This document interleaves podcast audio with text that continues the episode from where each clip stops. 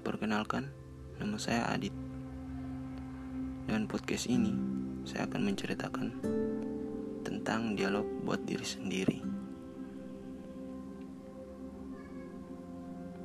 Kamu tahu, hidup itu sendiri adalah sebuah perayaan yang tak dapat dilakukan seorang diri. Yang pastinya penuh dengan partisipasi, apresiasi, dan toleransi kita memang dipisahkan oleh banyak perbedaan, tapi kita juga tersatukan oleh banyak persamaan.